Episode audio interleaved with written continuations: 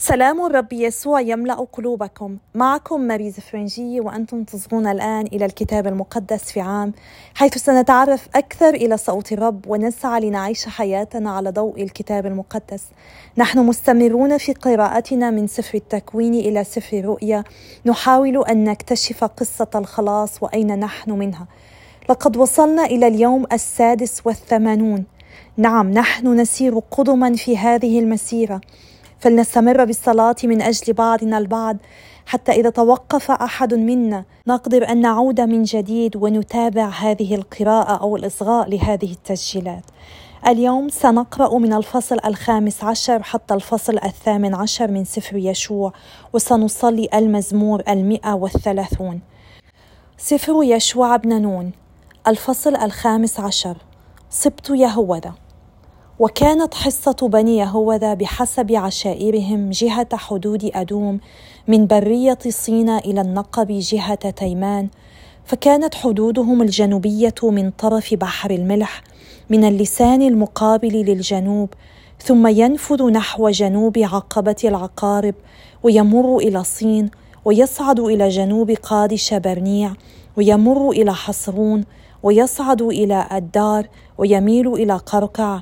ويمر إلى عصمون وينفذ إلى وادي مصر وتؤدي منافذ حدوده إلى البحر.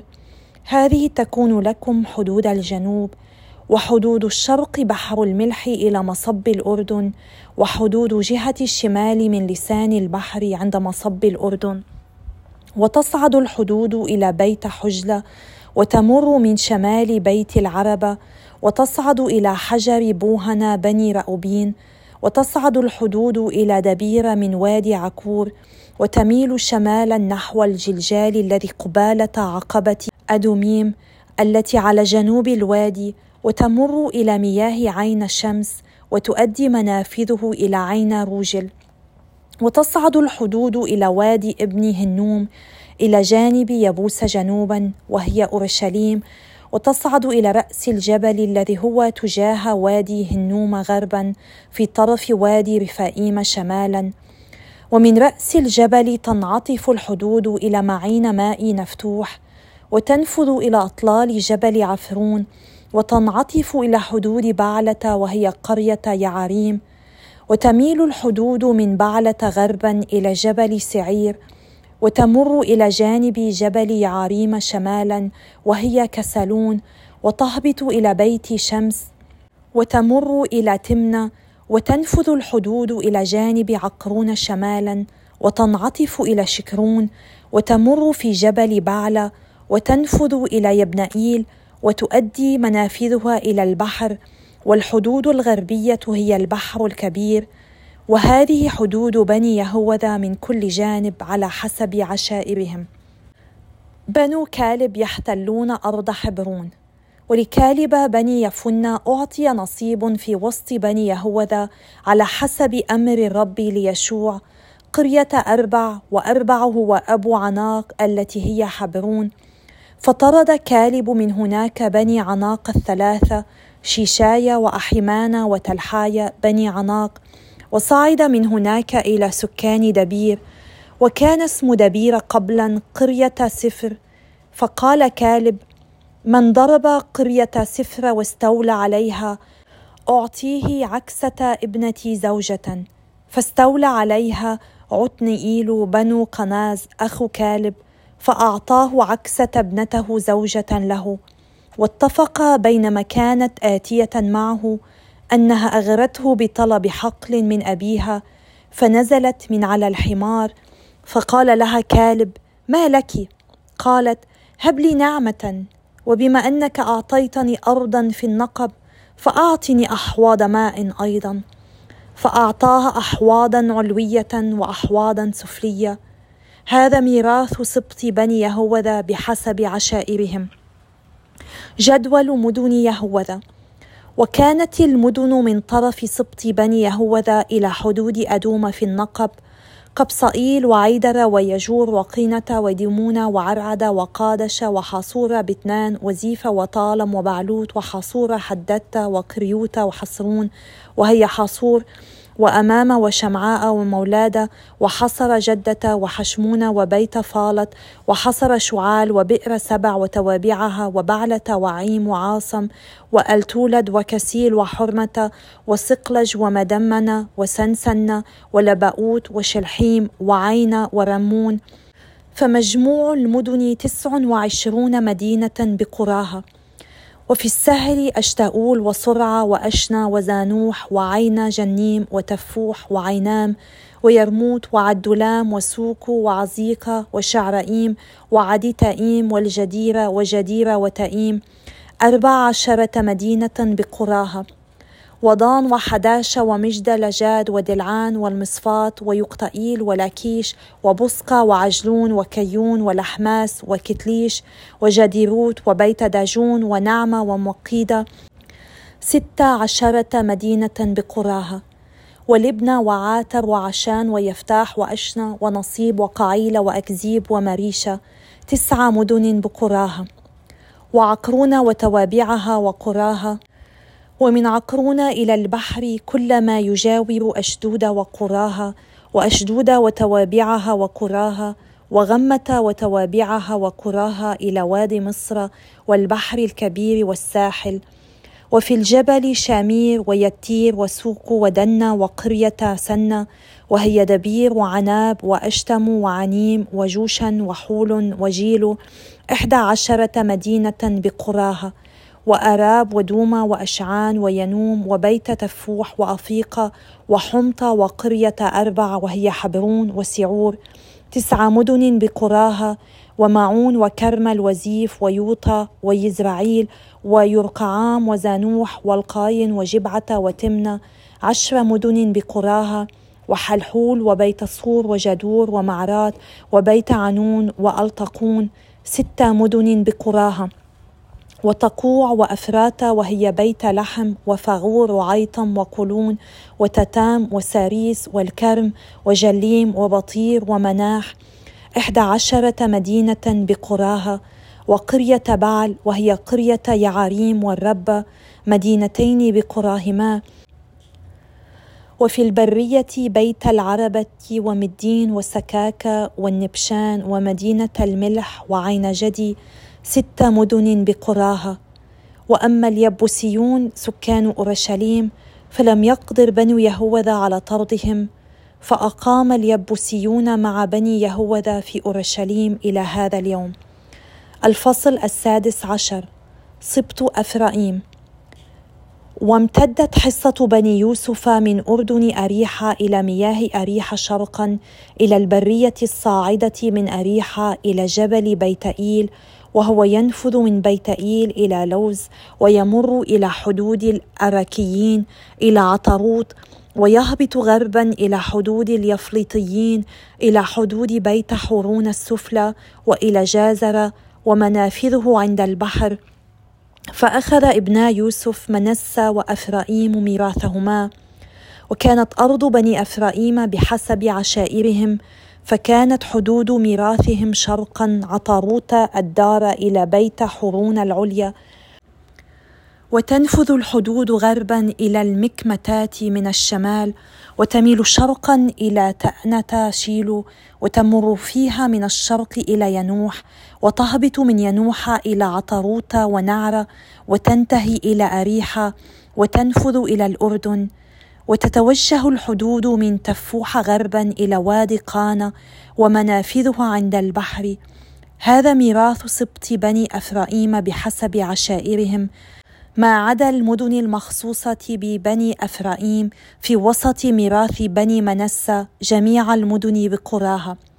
ولم يطردوا الكنعانيين المقيمين بجازر فأقام الكنعانيون بين أفرائيم إلى هذا اليوم وكانوا خاضعين للسخرة.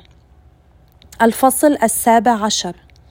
سبط منسى وكانت حصة سبط منسى لأنه بكر يوسف لماكير بكر منسى أبي جلعاد ولأنه كان رجل حرب فكان نصيبه جلعاد وباشان ثم كان لبني منسى الباقين بحسب عشائرهم لبني أبي عازر وبني حالق وبني أسرئيل وبني شاكم وبني حافر وبني شميداع وهم بنو منسى بني يوسف الذكور بحسب عشائرهم. وأما صلوفحد بنو حافر بني جلعاد بني ماكرة بني منسى فلم يكن له بنون وإنما كانت له بنات. وهذه أسماء بناته محلة ونوعة وحجلة وملكة وطرسة. فتقدمنا إلى أمام اليعازر الكاهن ويشوع بني نون والرؤساء وقلنا إن الرب قد أمر موسى بأن يعطينا ميراثا في وسط إخوتنا فأعطاهن ميراثا بأمر الرب فيما بين إخوة أبيهن فوقع لمنس عشرة أسهم ما عدا أرض جلعاد وباشان في عبر الأردن لأن بنات منس أخذن ميراثا في وسط بنيه وأن أرض جلعاد صارت لبني منس الباقين. وكانت حدود منسى من أشيرة إلى المكمتات التي تجاه الشكيم. وكانت الحدود تتوجه يمنة إلى يشسب عين تفوح. وكانت أرض تفوح لمنسى. وأما تفوح التي على حدود منسى فكانت لبني أفرائيم. وتهبط الحدود إلى وادي قانا جنوبي الوادي. إلا أن هذه المدن صارت لأفرائيم في وسط مدن منسى وكانت حدود منسى من شمال الوادي ومنافذها إلى البحر الجنوب لإفرايم والشمال لمنسى وحدهما البحر وكانا يتصلان بأستير شمالا وبيساكر شرقا.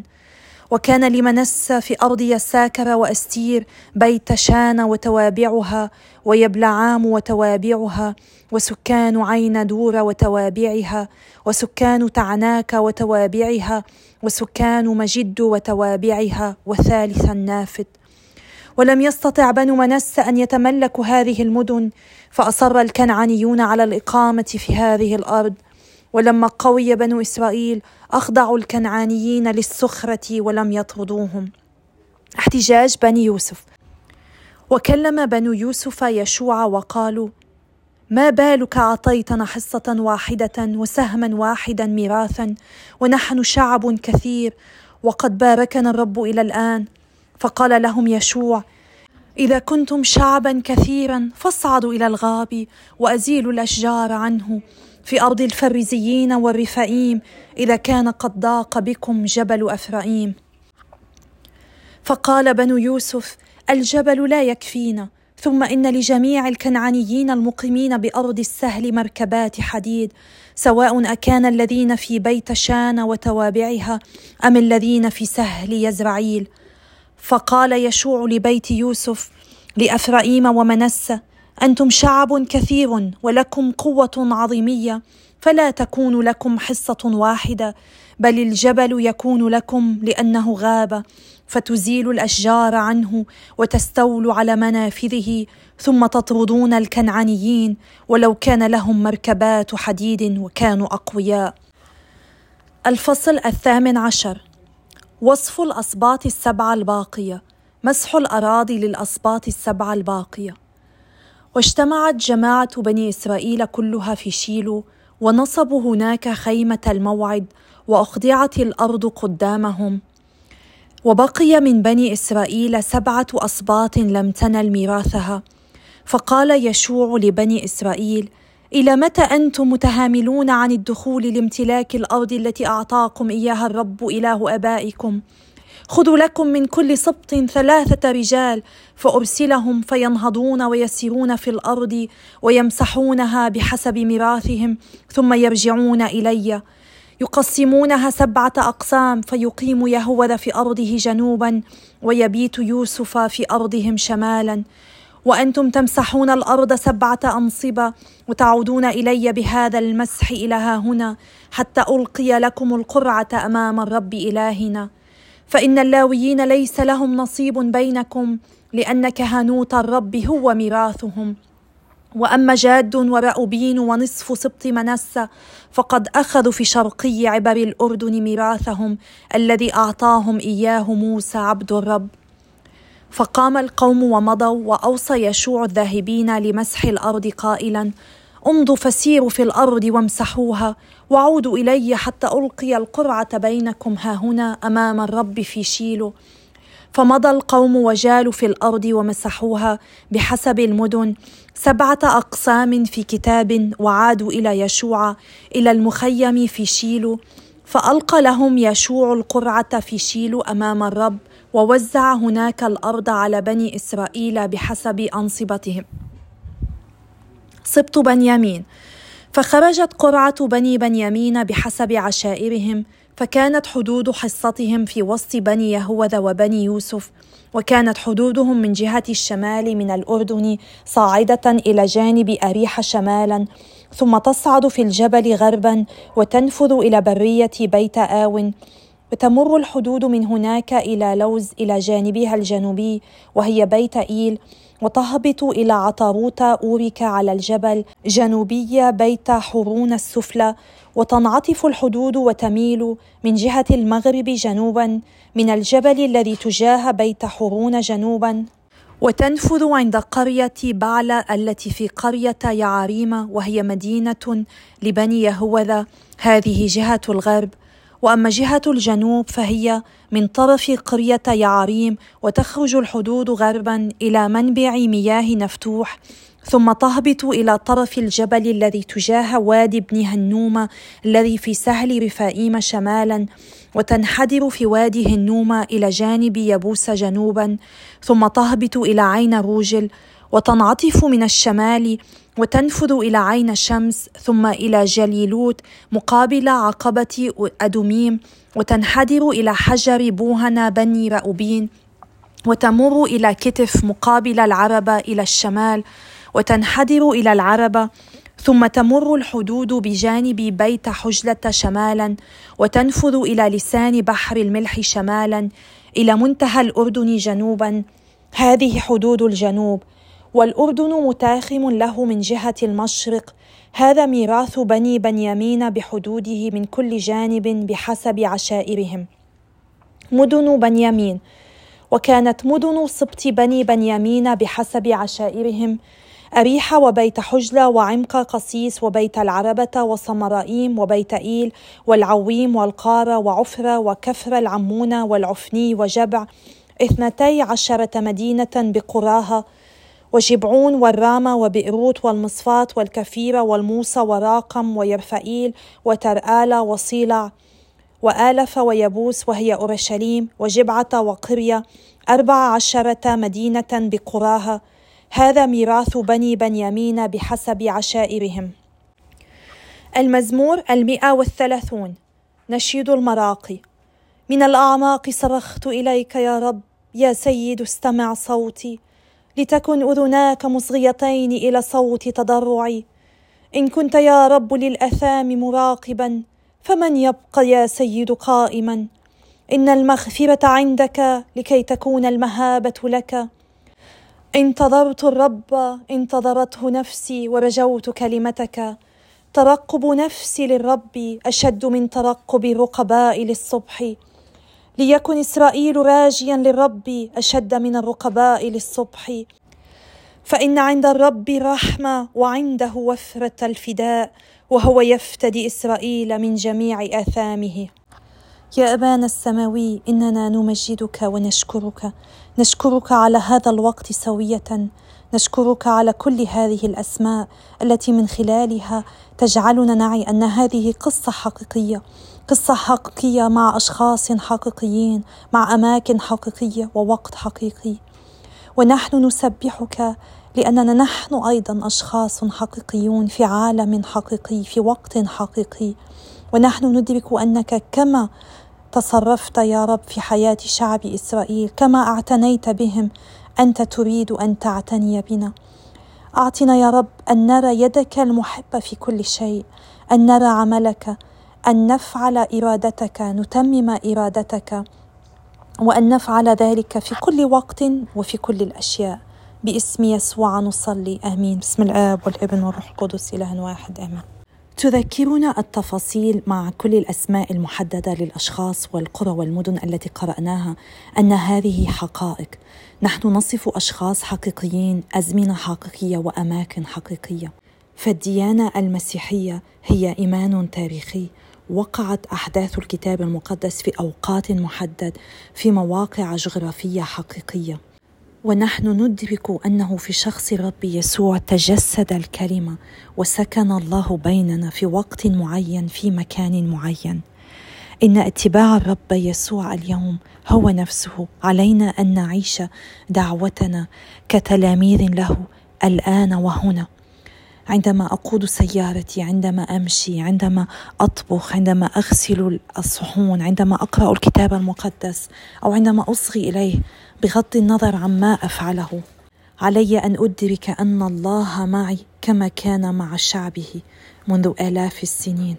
إن الله معنا يعيننا يدبر أمورنا يعتني بنا هو ليس بعيد. علينا أن ندرك أنه هو يقود طريقنا هو يهدي كل واحد يسعى لأن يعيش حياته مخلصا لله. امينا لله كما أن الله دائما أمين لكل واحد منا أمين لوعوده يحبنا محبة لا حدود لها. لقد رأينا اليوم في قراءتنا كيف أن الله كان يرسم حدودا لكل سبط. هذا يعلمنا أن نحتفظ بحدود لحياتنا لا نتعداها لنأخذ حقوق غيرنا. فنراعي حقهم ليس فقط في الماديات بل أيضا في الكلام والتصرف. وهكذا نستطيع أن نحيا بسلام مع الآخرين دون أن نؤذي غيرنا. قرأنا اليوم أيضا عن زفاف عكس ابنة كالب وكيف أنها طلبت من أبيها أن يعطيها أحواض ماء حتى تستطيع أن تؤمن مصدر مياه للري لأراضيها.